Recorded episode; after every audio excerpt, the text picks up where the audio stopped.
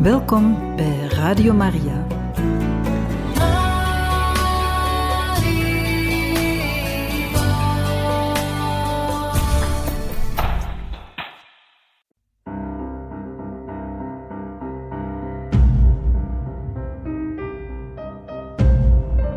Het woord spreekt. Een programma van Radio Maria.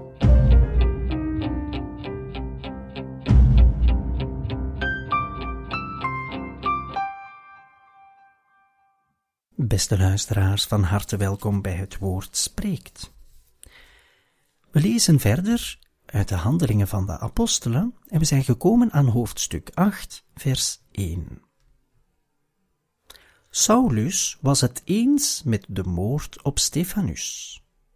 Op die dag brak er een hevige vervolging uit tegen de gemeente in Jeruzalem.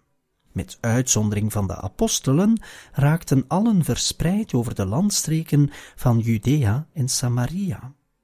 Vrome mannen begroeven Stefanus en hielden een grote dodenklacht om hem. Saulus wilde de gemeente vernietigen. Hij drong de huizen binnen, sleepte mannen en vrouwen naar buiten en liet ze gevangen zetten. Toen zij zo verspreid waren geraakt, trokken ze rond en verkondigden de goede boodschap. Zo kwam Filippus in de stad Samaria en predikte hun de Messias. Als zij hem hoorden spreken en de tekenen zagen die hij verrichtte, was iedereen in de ban van Filippus' woorden. Want velen van hen die onreine geesten hadden, onder luid geschreeuw gingen ze eruit, en vele verlamden en kreupelen werden genezen. Daarover ontstond grote vreugde in die stad.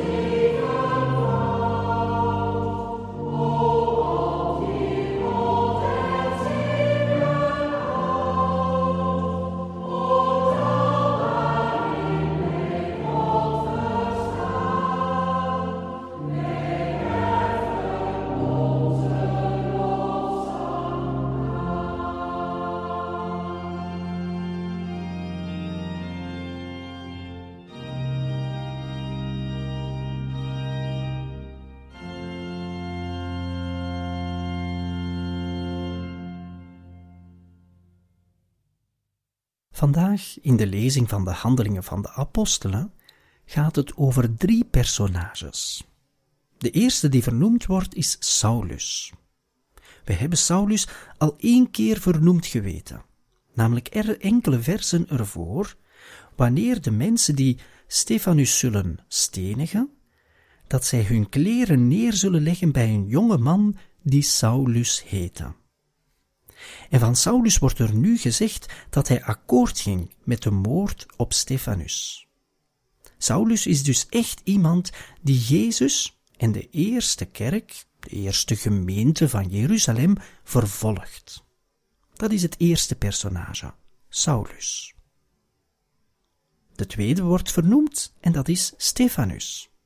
Stefanus, we hebben reeds gehoord in de handelingen van de apostelen hoe hij zichzelf heeft verdedigd tegenover het Sanhedrin, waarom hij, vervuld van de Heilige Geest, Jezus predikte. Hij heeft volgehouden tot het einde en dat heeft hij bekocht met zijn eigen leven. Hij is de eerste martelaar geworden, een getuige met zijn bloed van de dood en de verrijzenis van Jezus Christus, van die Jezus die hij heeft gezien aan de rechterhand van de Vader. En dan hebben we nog een derde personage, die we nu voor het eerst echt zien verschijnen. Het gaat over de apostel Filippus.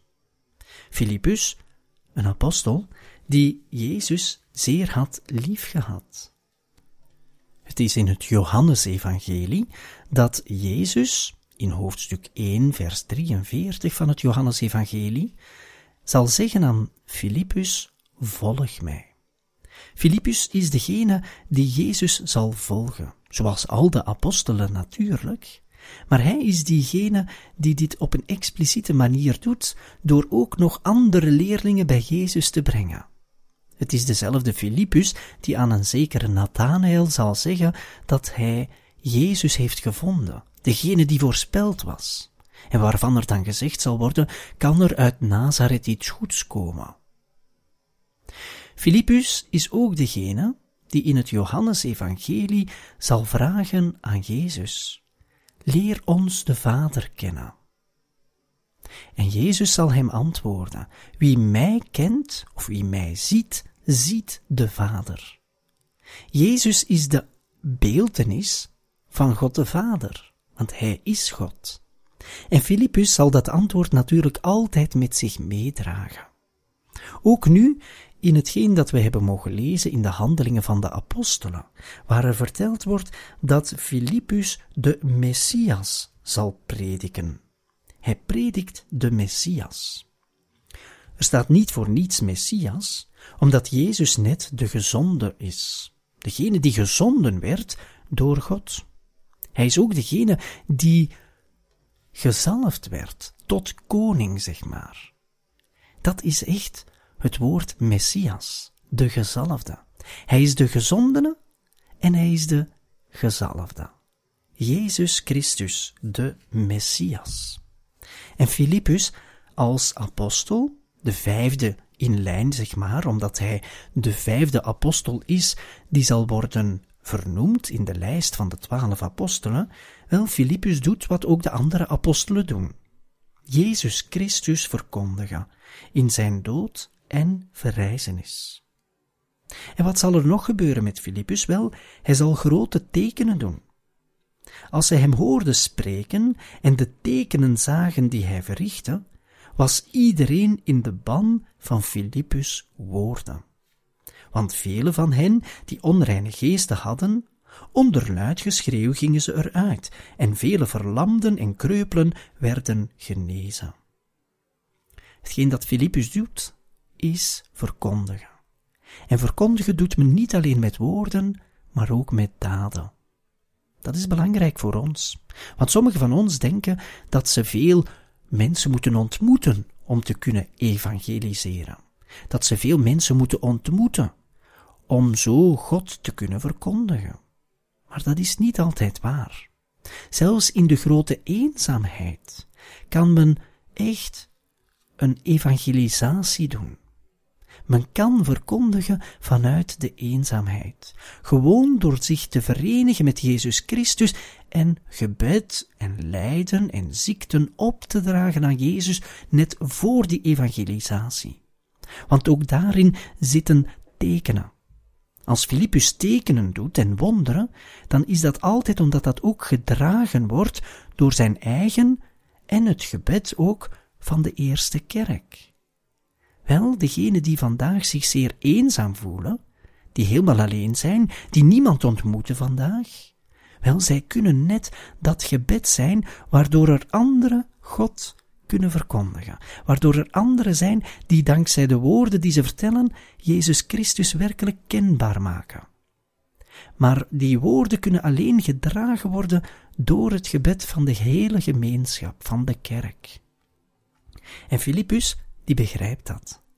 Filippus weet dat wie Jezus ziet, die ziet de Vader. En het is die Jezus die hij verkondigt, die Jezus die de Vader verkondigt.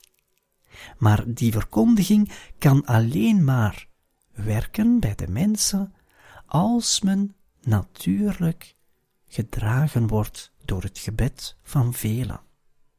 Daarom staat er ook op het einde van de lezing die we vandaag deden, daarover ontstond grote vreugde in die stad.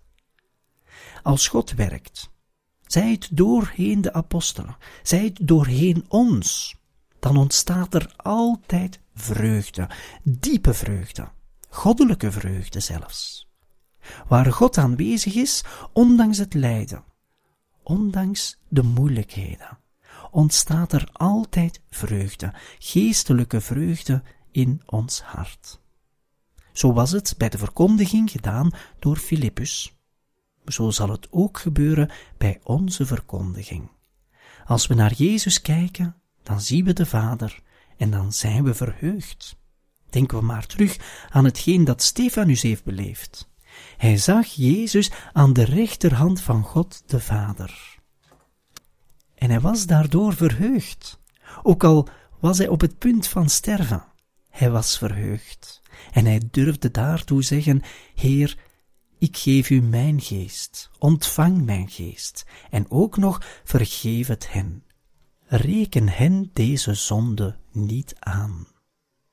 En dat zijn de drie personages die we vandaag zijn tegengekomen in de handelingen van de apostelen. Stefanus, de eerste martelaar, gestorven als getuigenis voor Jezus Christus. Filippus, die nog blijft verkondigen, die nog zijn taak verder zet hier op aarde. En ook al zijn de leerlingen verspreid hier en daar, Filippus, te midden van die verspreiding, zal verkondigen. En dan hebben we Saulus, degene die die verkondiging niet aanvaardt, degene die akkoord gaat met de moord op Stefanus, degene die nog gekeerd is naar het kwade. Wel, van hem zullen we zien dat hij binnenkort zich zal omkeren, volledig naar Jezus Christus gedraaid, naar degene die hij ook zal erkennen als God die mens is geworden om ons te redden. En zo hebben we vandaag gelezen in de Handelingen van de Apostelen, hoofdstuk 8, versen 1 tot en met 8.